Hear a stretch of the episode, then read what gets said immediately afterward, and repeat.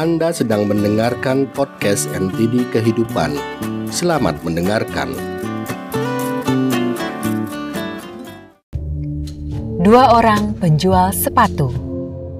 Ada dua orang penjual sepatu yang bekerja di sebuah pabrik sepatu.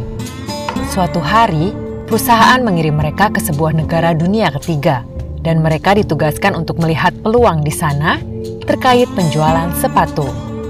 Di hari yang ditentukan, berangkatlah mereka berdua. Baru saja satu hari mereka tiba di sana, mereka berdua segera menelepon bosnya. Penjual pertama berkata di telepon, Bos, negara ini sangat terbelakang. Semua orang di negara ini tidak ada yang memakai sepatu. Saya rasa sama sekali tidak ada peluang di sini. Jadi saya akan segera kembali besok. Sementara penjual kedua berkata di telepon, Bos, luar biasa. Semua orang di negeri ini tidak memakai sepatu.